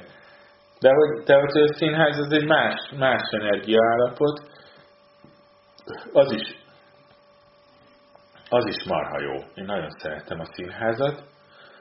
Ott, ott az tényleg az nehéz, hogy az előadások is olyan jók legyenek, mint a bemutató. Mert hogy ott eljut egyszer csak a bemutatóhoz, és akkor az egy másfél hónapos munkának a mondjuk egy 90 perces bemutató, azt egy ilyen sorozat tempóval három nap alatt fölveszed. De úgy, hogy abban benne van, onnantól kezdve beült a sminkbe a szereplő, fölvette a ruhát, a helyszín, nem tudom, átfestették, behozták a lámpákat, kamerá, izé, fát, hang, tessék, hogy hívják, következő jelenet, költözés, három nap alatt fölveszel, nem vesz, jó, négy nap alatt veszel föl 90 percet egy sorozatban, erre a színházban van másfél hónapod. Az nem is tudom hány nap, és ott van egy bemutató, amit nem 500 ezeren néznek, hanem maximum 200-an, de aztán a színházat viszont lehet, hogy meg fogják nézni olyan sokan, mert lehet, hogy az a darab évekig fog menni, vagy nagyon sokszor fog menni. És tehát hogy nagyon más, tényleg más energiaszint, a színészektől is más kíván, és ugyanakkor nagyon, az is valami jó, jó dolog. Vagy így a rendező szerepe a közösségben, az úgy, azt értem, hogy az nagyjából behatárolható. Aha. Mi a facilitátor szerepe egy közösségben? Hát a facilitátor szerepe az más, annak is szerintem hasonló szerepe van, de ott elsősorban a kérdések föltevése, tehát, hogy jó kérdéseket tudjon föltenni, hogy jó irányba induljanak el a résztvevők. A másik pedig az, hogy mindenkinek lehetőséget biztosítson. Tehát, hogy ne maradjon senki háttérbe, akkor se, hogyha vannak nagyon véleményvezérnek tűnő emberek egy közösségbe. Tehát, hogy ne vehesse át senki a közösség felett a hatalmat, vagy uralmat, hanem maradjon egy ilyen szét, széttagolt történet, egy lapos dolog az egész. De akkor ő része a közösségnek, vagy ő Hát, közösség részévé válik mindenképpen. Az megkerülhetetlen. Az, ami a, a kamerakezeléssel kapcsolatos, az azért, az nagyon fontos, hogy csak egyszer fogja meg a kamerát, amikor lerakja a hmm. asztalra, vagy a szoba közepére, vagy mit tudom én, hogy ne kerüljön a technológiának a birtokosává. Tehát, hogy nehogy az legyen, hogy akkor ő, ő ért hozzá. Ő a szaki. Aki meg is mondja, hogy akkor onnantól kezdve ő fölülemelkedne, a, hogy hívják az, az, az embereken. De hogyha azt mondja, hogy figyeljetek, itt van ez a kamera, nagyon bonyolult megtanulni, de meg lehet tanulni. Én el fogom mondani, hogy hogy működik, óramutató járása szerint jobbról balra, vagy névsor, névsor szerint, vagy ABC sor, mit tudom én, mindenki kipróbálja. Nem az, hogy aki szeretné, az fogja menni. Aztán majd ez ki fog alakulni, hogy ki az, aki kamerázni akar, ki az, aki hangot akar fölvenni, ki. Tehát, hogy óvatatlanul lesz specializáció. De ő nem mondja azt, hogy akkor én most fölveszem, hogy te mit mondasz, hanem ti egymás között. És tehát nagyon vissza kell lépnie abból a filmes, színház csináló, én vagyok az értelmiségi attitűdből, amivel, amiben például mi bele lettünk nevelve, hogy a filmes ezt meg ezt csinálja. Tehát mi a tényleg amikor még a főiskola alatt mentünk tévével, olyan gyakor, szakmai gyakorlatom voltam a tévével, és akkor tényleg az volt, hogy úgy beültünk a, nem tudom, volt ilyen kis mikrobusz, kis táv, és akkor mentünk tévézni a vidékre, és akkor összeszaladt a falu, jött a polgármester, hozta a pálinkát, és akkor így megvolt az egész. Tehát így nagyon föntről lefele néző dolog volt, és ennek meg pont ennek az ellen, ellene kell dolgozni. Tehát a facilitátor ilyen szempontból ellene dolgozik mindennek, amit, amit tanultunk a, a rendezésről, az operatőrségről, a vágásról, meg mindenről. Mert csak a vágás is egy, egyébként egy fontos dolog, arról nem beszéltem, hogy a vágást is úgy érdemes csinálni, vagy úgy kell, kell csinálni, hogy az is közösségileg legyen. Tehát a vágó programot is meg lehet tanulni, kezelni, nem, nem egy perc, hanem mondjuk egy óra, de meg lehet tanulni, kezelni, és lehet közösen. Tehát lehet azt mindenki megnézi a mustert, haza lehet vinni DVD-n vagy online meg lehet nézni, és meg lehet. Ott, otthon is, közösségileg is meg lehet nézni, és lehet mondani. Én ezt úgy gondoltam, hogy ez így. Hát én meg úgy gondoltam, hogy úgy. És meg lehet beszélni ezeket a dolgokat. Tehát valahogy ez a megbeszélés, ez a titka az egésznek, szerintem a színháznak is, hogy ne az legyen, hogy bejön a rendező, aki 50 éve ott van a színházba, és egy másik ajtón bejön egy színész, aki meg egy hónapja jött, és akkor a rendező megmondja, hogy te mit csináljál, hanem beszéljük meg. Döntsük el közösen. Határozzuk meg, hogy milyen fókusz van, és akkor azon belül kezdjünk el egy diskurzust. És szerintem ez a színházi világból teljesen hiányzik, a filmes világból is teljesen hiányzik, és na hát a politikai szférából is, tehát a közösség legfelső burkából is teljesen hiányzik.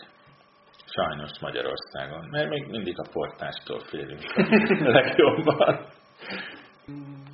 Talán még csak azt kérdezném meg, hogy ha most így valaki a rengeteg pénzt, hogy akkor egy ilyen közösségi videós projektet vigyél véghez, hova mennél? Itt kimennék a gangra, és itt próbálkoznék meg vele. Tehát nem... A, az, amiért, amiért ezzel az egésszel elkezdtem foglalkozni, az egyébként az Oroszországban élő finnugor kisnépek voltak,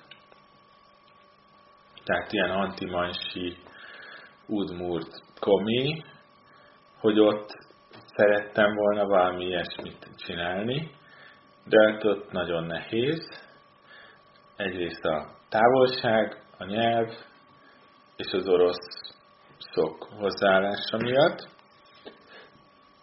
hogy az oroszok nagyon nem szeretik, hogy ott bárki bármit csinál. Tehát, hogy nem ott kezdeném, hanem itt kezdeném egy, egy ilyen gangos házba. Szerintem az lenne a leg... Itt megmozdítani egy közösséget. Hmm. Akár egy házba, akár egy utcán, és tényleg azt, hogy valamilyen szinten Budapestet, Budapestet picivel jobb helyé tenni. Az, hogyha nagyon sok pénzt kapnék, akkor én ezzel próbálnék meg foglalkozni. És, a, és hát persze el lehet menni a világ másik végére is, próbálni ott jobbá tenni a világot, de hát legközelebb itt kéne. Tehát, hogy az, az, az lenne a legfontosabb, hogy a saját környezetünkben dolgozni ezen. Tehát egyébként most, hogy nem kaptam, nincs csomó pénzem, most is ezt csinálom, mert most ugye színházat csinálok, és akkor azzal azt gondolom, hogy az a mi kis közösségünk, meg az, akik a, azt a darabot megnézik, azok valamivel jobbá. Legalább egy, pic, egy pár jó pillanatot szerzünk a nézőinknek, és a mi, a mi társadalmunknak pedig a, az a alkotási folyamata az egy jó, jó dolog. Hát legalábbis remélem, hogy ők is így érzik. Még azt esetleg el tudod mondani, hogy hol tudnak megnézni ezt az előadást, ha akarjuk. Hát, aha. A levesben előadást azt most például Füzesabonyba lehet holnap megnézni, és aztán Lengyelországba. Tehát, hogy annak sajnos nincsen ilyen állandó előadása. A következő darabot, a Hontalanul, most éppen ez a címe, azt meg majd a Szerb Színházban, a Nagymező utcán fogjuk játszani. Mikortól nagyjából? Hát április végén, április, ja, mi van most? Április elején lesz a bemutató, és akkor utána talán havi egyet játszunk, vagy hát majd kialakul, hogy mekkora az érdeklődés, meg hogy mi hogy tudjuk összeszervezni magunkat, meg hogy egy csomó mindenen múlik, de azt ott fogjuk játszani ott a szerb színházban. Ez szuper jó.